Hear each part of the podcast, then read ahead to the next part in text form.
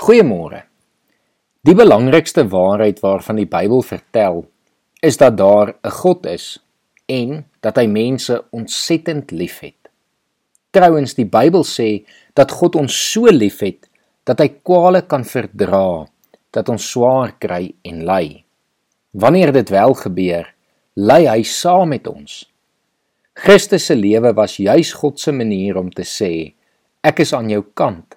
Ek is by jou met my groot liefde wat alles kan oorwin. Dit is die wete wat Paulus laat uitroep: God is vir ons. Wie kan dan teen ons wees? En dan daag hy sommer die hele wêreld met al sy ellendes en bedreigings uit. Natuurlik twyfel ons nog baie dae hierin. Veral wanneer ons vir die soveelste keer misluk, aan versoekings toegee, platgeslaan word, uitgerafel word, Partykeer dat ons ander mense nie eers in die oë kan kyk nie. Maar wanneer dit gebeur, mag ons dan onthou en vertrou. God sal my nooit los nie.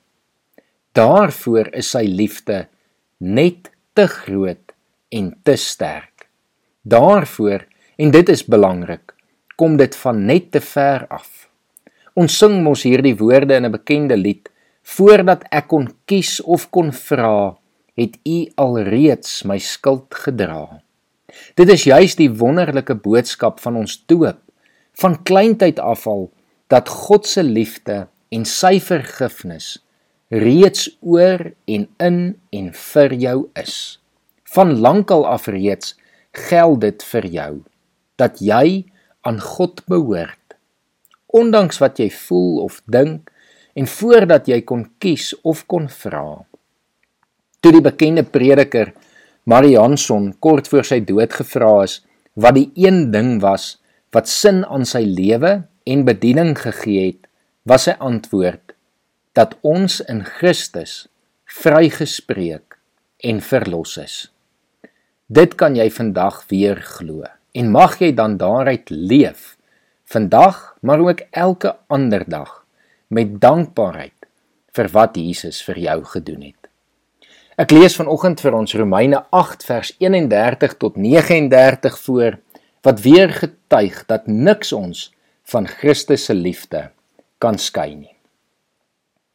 Wat is nou ons gevolgtrekking oor al hierdie dinge? Dit God is vir ons. Wie kan dan teen ons wees? Hy het sy eie seun nie gespaar nie, maar hom oorgelewer om ons almal te red sal hy ons dan nie al die ander dinge saam met hom uit genade skenk nie? Wie kan die uitverkorenes van God aankla? God self spreek hulle vry. Wie kan ons veroordeel? Christus Jesus het gesterf, maar meer as dit, hy is uit die dood opgewek. Hy sit aan die regterhand van God. Hy pleit vir ons. Wie kan ons van die liefde van Christus skei? Lyding of benoudheid of vervolging, honger of naaktheid, gevaar of swaard.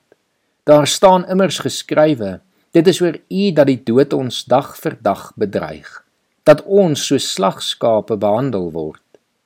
Maar in al hierdie dinge is ons meer as oorwinnaars deur Hom wat vir ons liefhet.